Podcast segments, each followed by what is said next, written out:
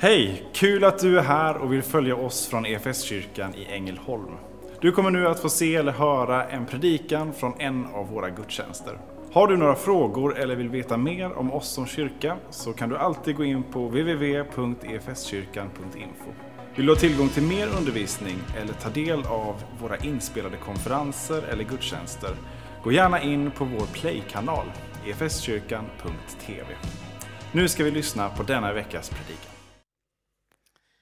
Eh, för några veckor sedan så stod jag där hemma i eh, Hoddan som vi kallar det, där våra kor har gått eh, i, i, i vinter.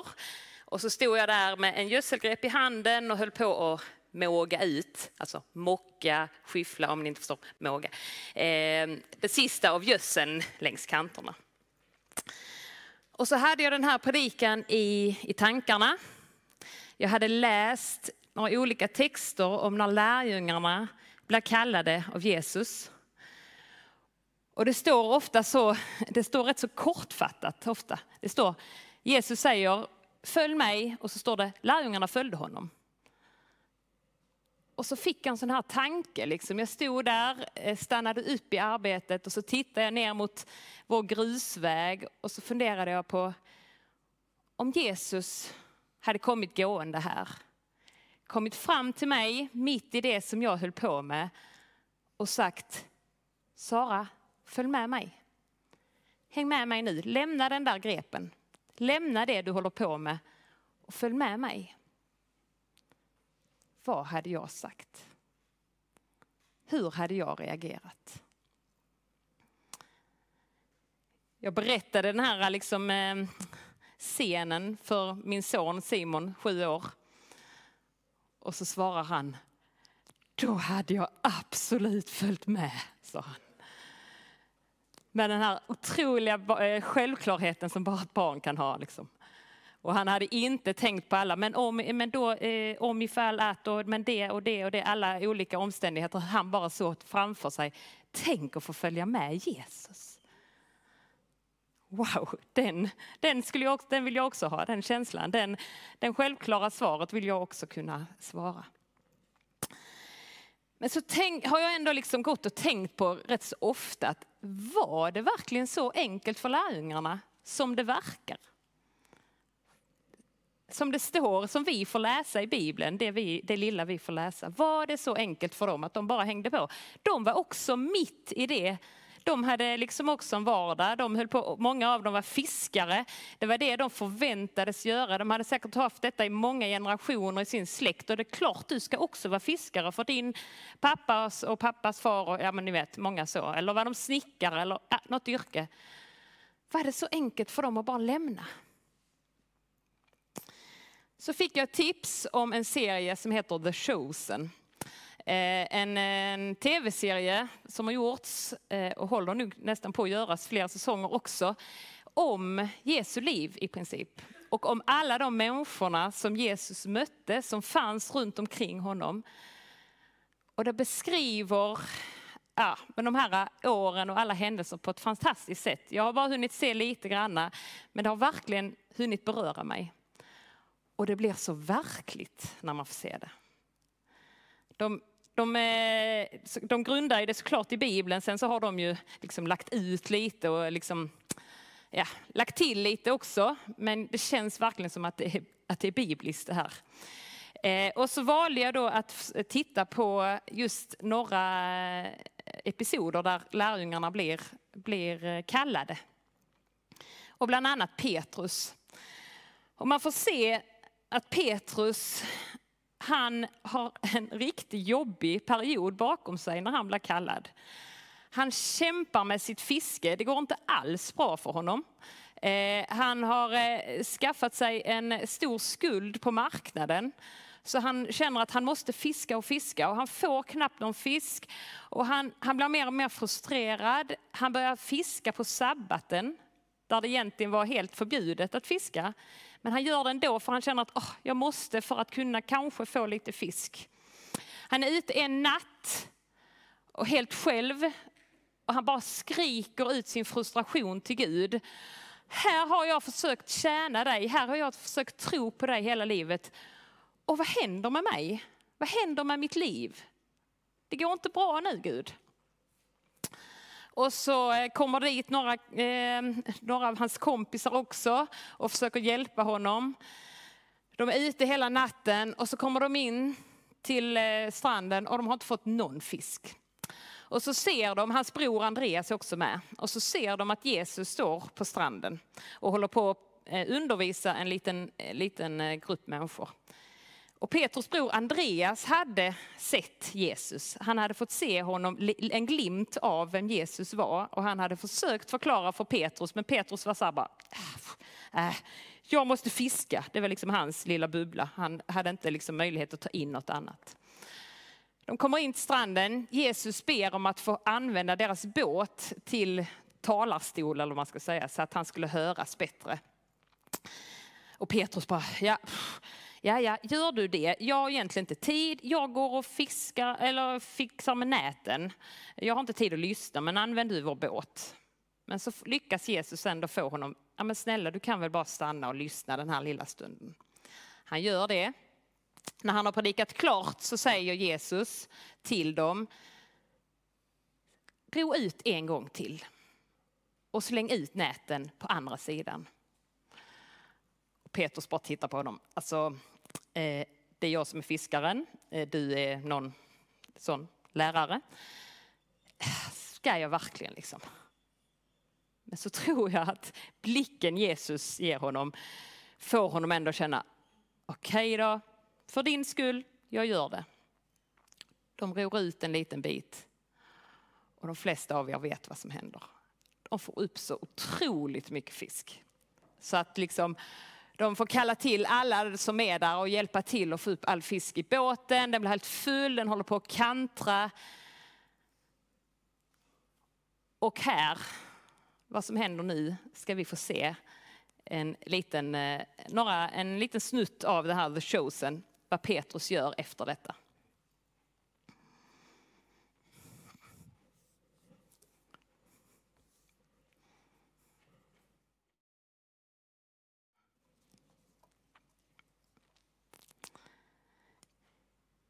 Petrus säger ja till att följa Jesus. Han gör inte det för att han känner sig som en fantastisk supermänniska som bara yes, det är klart jag ska följa med dig. Jag är ju nog det bästa du kunde eh, ta. Jag förstår att du valde mig. Eh, nej, han kan liksom inte förstå varför han blir vald. Varför han ska få följa Jesus. Men så tittar han in i Jesu ögon och så ser han en otrolig kärlek, en otrolig förlåtelse. Och jag tror att han känner att wow, den här mannen tror så mycket mer om mig än vad jag tror på mig själv. Vill du vara med mig så vill jag vara med dig, tror jag Petrus tänker. Du och jag Alfred, du och jag Emil. Du och jag Jesus, du och jag Sara. Vill du vara med mig så vill jag också vara med dig. Har du och jag fått uppleva den känslan? Har du fått titta in i Jesu ögon, fått lyssna till honom och fått känna det att du är lik, han tror lika mycket om dig som han trodde om Petrus. Han tror på dig. Han tror att du kan vara hans lärjunge. Han tror att du kan vara med att bygga Guds rike på den här jorden.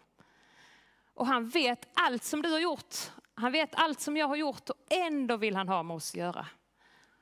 Det är det som är det stora. Det är det som är förlåtelse. Det är det som är Guds kärlek som vi knappt kan förstå. Han ser oss. Han, vi är så dyrbara för honom och han, han vill ha med oss att göra. Han vill säga till oss också, följ mig. Han vill att vi följer honom. Och då tänker man ju nu att nu är allt klappat och klart för Petrus. Och den här frågan har jag gått och burit på rätt så länge. Alltså, nu säger Petrus, ja okej, okay, jag följer med dig Jesus. Eh, men jag, det står ju också att han har en svärmor i Bibeln. Det betyder att han är gift. Och när vi tittar på The Chosen så är det att han har gift sig rätt så nyligen och hemma har han en fru som han nu då ska gå hem och säga, du, ehm, en liten detalj här. Ehm, jag träffade en man på stranden, ehm, han, jag tror han är Messias. Mm. Och jag tänkte följa med honom i några år, men du klarar dig va?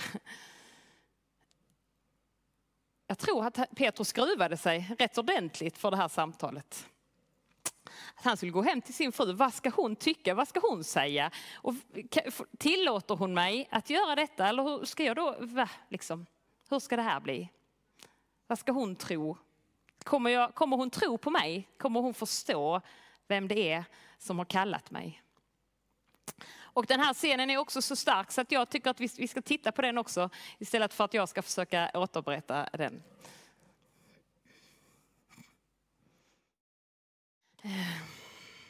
Ja, fantastisk reaktion av henne. Jag kan ju bara tänka mig in, hur skulle jag reagera om min man Johan kom hem och sa att du, jag tror jag ska göra något helt annat i livet. Jag tror faktiskt att jag ska resa bort, jag tror jag ska göra något, för jag tror att Jesus har sagt det till mig. Ja, jo men jag tar hand om grisar, kor och vad det nu är vi har där hemma. Men jag tror Eden ser att Petrus har blivit förvandlad. Hon ser att han, han har mött någon som bara liksom förändrat hela honom. Och så säger hon så fint, nu äntligen har någon sett vem du verkligen är. Alla andra runt omkring hade bara sett honom som en nu misslyckad fiskare och nu fanns det någon som såg honom som, han, som hon hade sett och ännu mer än det. Hon älskade honom eh, men Jesus kärlek är ännu större. Jag tänker ändå att vi får man ändå fundera på, uppmuntrar vi varandra till att våga ta kliv som Jesus kanske eh, säger till oss att ta? Och det måste ju inte vara de här stora livsomvälvande, eh, det kanske bara är lite mindre kliv. Men uppmuntrar vi våra familjemedlemmar, våra vänner att faktiskt våga gå dit vi tror att Jesus säger till oss att gå? Behöver vi bli bättre på det? Behöver vi säga till varandra att jag tror Jesus har något stort för dig. Jag tror han har stora tankar om dig och det är klart att du ska göra det här. För han är med dig. Jag blev eh, inspirerad när jag satt på ledarfest här för någon vecka sedan och pratade med två tjejer som precis har tagit studenten, Vilma och Ida. Och de, eh, ja, vi satt och pratade om vad de skulle göra nu till hösten. Och så berättar de lite, eh, jag hoppas att jag minns det rätt, Vilma annars får du hojta. de hade tänkt att gå på en bibellinje på folkhögskola och de hade tänkt att ja, men vi går ju på samma. Det är ju det, det, är det roligaste, det är det enklaste, det, det blir skitkul. Eh, och så eh, hade Ida ändå, Vilma tror jag hade sökt till Åre. Ida hade inte riktigt ändå bestämt sig. Eh, och så får hon en dröm en natt. Eh, där det blir så otroligt tydligt för henne att Jesus nästan säger till henne att nej, du ska inte gå på Åre, du ska gå på Götabro. Stämmer. Mm. Och så kommer Vilma också in i den här drömmen och säger, Vilma som då i verkligheten har sagt, ah, det är klart du ska gå på Åre med mig. Så kommer hon in i drömmen och säger, Ida, det är klart du ska gå på Götabro. Nu tar vi fram datorn här och så söker vi. Det är lika bra att göra det direkt. Gör de det i drömmen. Så de söker verkligen i drömmen. Eh, och så vaknar Ida på morgonen och känner en sån otrolig frid över detta. Att ja, jag ska gå på Götabro. Det har Jesus, eh, det har jag fått till mig liksom. Eh, och så vågar hon göra det. Och Vilma stöttar henne i detta fast att hon kanske egentligen vill att det hade varit roligare om Ida hade följt med. Men eftersom de upplever båda två att Jesus säger till Ida att du ska gå där och Vilma ska gå där. Och så vågar de och uppmuntrar varandra. Och vad det leder till och om det hade, kunnat, hade säkert kunnat bli bra där också. Men, eller har Jesus jättestora tankar om att, och en plan om att de är, en är där och en är där. Och att det finns en mening med det. De vågade följa Jesus i det.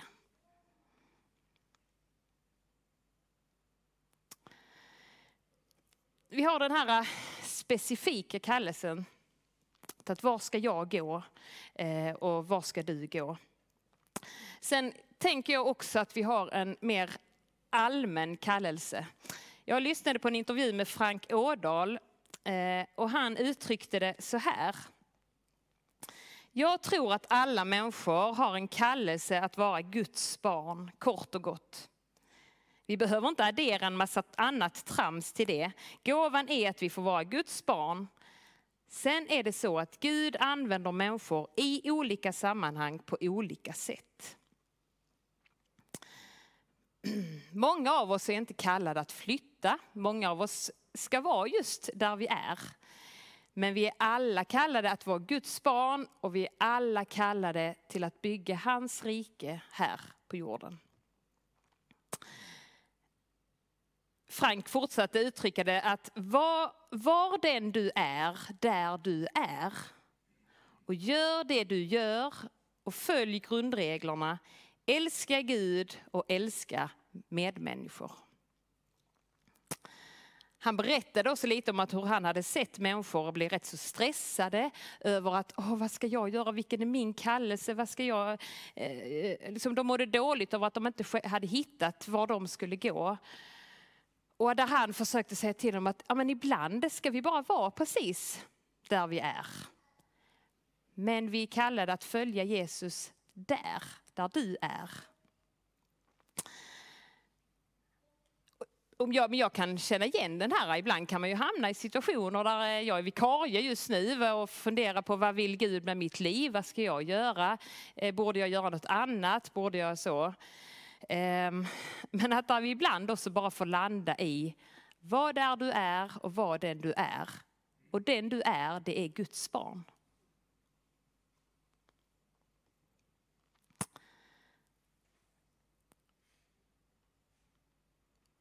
Då är det ju lätt att tänka att ja men vad skönt, då kan jag luta mig tillbaka och så kan jag leva mitt rätt så bekväma liv om jag nu, det är nog inte jag som ska göra de där flyttarna, utan det är nog inte jag som ska ta de där eh, obekväma stegen.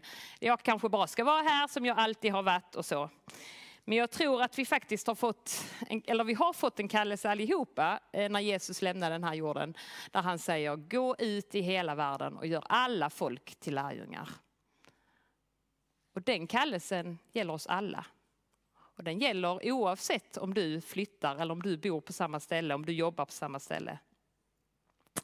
Jesus säger till oss, följ mig, gör som jag gjorde och gör. Och jag tror att han vill att vi varje dag i våra liv ska fråga oss, Gud, vad vill du med mitt liv idag? Vad vill du att jag ska göra idag? För om du vill vara med mig så vill jag vara med dig och jag vill följa dig. Och jag tror att det oftare än vi vill erkänna kanske betyder något lite obekvämt. Att vi ska göra någonting som känns lite småjobbigt i början men som kan få betyda så mycket för någon annan. Ehm. Och vad det är för just dig, det vet inte jag. Jag vet bara att jag har länge gått och funderat på att jag skulle vara med en gång på pannkakskyrkan. Eh, och har gruvat mig, det är ju sent på kvällen alltså. Och det kanske är kallt och det är ju skönare att sitta i soffan där hemma. Jag kan säga att man ska inte bestämma sig på fredagskvällen om man ska göra det eller inte. Man ska bestämma sig innan. Eh, så jag var med i fredags och ja, jag kan säga att det där när jag var, vi var hemma hos några vänner innan och det kändes som bara, ja, nu kör jag iväg. Men så värt det. Otroligt mycket värt det när jag väl kom dit och fick möta människor. Det kom speciellt en kille fram och bara förklarade, vet ni hur mycket det här betyder för människor som är ute på stan? Är så betydelsefullt. Ni, ni gör verkligen en insats. Den här pannkakan och det här snacket. Det, det, det sår ett frö, jag är helt säker på, i många människor. Eh, även om det ibland bara handlar om vanliga livet, vad de ska göra, det kommer ett gäng studenter, vad de ska göra eh, liksom i framtiden, så, så sår vi ett frö där ute. Jag tror inte alla ska vara med på pannkakskyrkan, men jag tror det är fler än, fler än som är det kanske. Men jag tror att det finns något, och någon av er andra ska göra något annat. Vi kan bjuda med någon till Alfa. Vi kan eh, sätta oss hos den där ensamma på jobbet vid fikan som aldrig har någon att prata med. Ja, det finns massa exempel och jag vet att det kommer ett tema efterföljelse om några söndagar som jag tror Jonas ska predika om. Så jag ska inte eh, predika för mycket om det.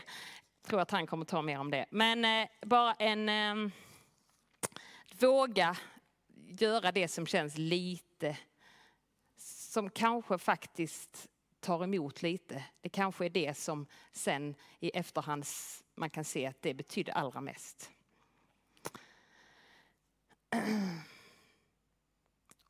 Så kan vi ju då också hamna i att, men inte kan väl jag. Inte är det väl jag som ska göra det där. Petrus sa ju det till sin fru. Jag förstår inte varför han har valt mig. Jag är ju syndare. Jag, jag är inte värd det här. Jag tror vi alla kan känna oss igen oss i det. Jag kan väl inte. Det är inte våra egna förtjänster. Det är inte i egen kraft som vi ska gå. Det är för att vi är kopplade till honom, till Gud. Frank Ådahl hade eh, bilden av att vi är, vi är en lampa och det är inte förrän vi kopplas in i ett, ett, en, eh, ett vägguttag som lampan kan lysa. Eh, det är först när vi är kopplade till, till Gud som vi kan verkligen komma i funktion, i full funktion. Ehm, och precis som lärjungarna var en brokig skara som vandrade med Jesus så får vi också vila i det, att vi får också vara en brokig skara. Åsa läste i episteltexten att bröder, tänk på när ni blir kallade, inte många var visa i varslig mening, inte var många var mäktiga, inte många förnäma. Men det som är dåraktigt för världen utvalde Gud för att låta de visa stå där med skam. Och det som är svagt i världen utvalde Gud för att låta det starka stå där med skam.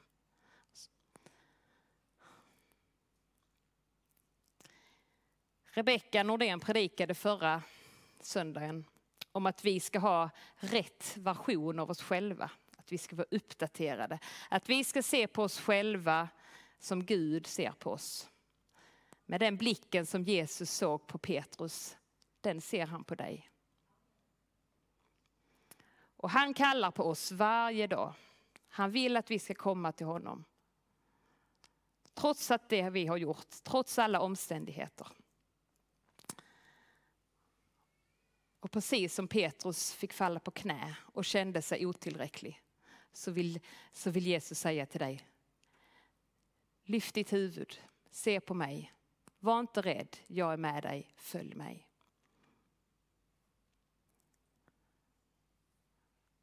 Och även om det kan kännas som att vi får offra saker, att det har ett pris att följa Jesus, så får vi så mycket mer av det.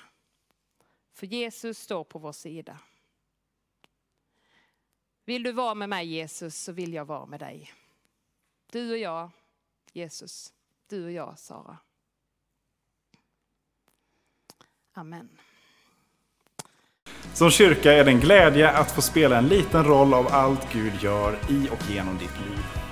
Vi vill gärna fortsätta följa dig på den resan och vill du ta reda på vad ditt nästa steg kan vara på din resa med Gud så gå in på efskyrkan.info nästa steg. Vår längtan är att få se människor och samhällen förvandlade av Jesus.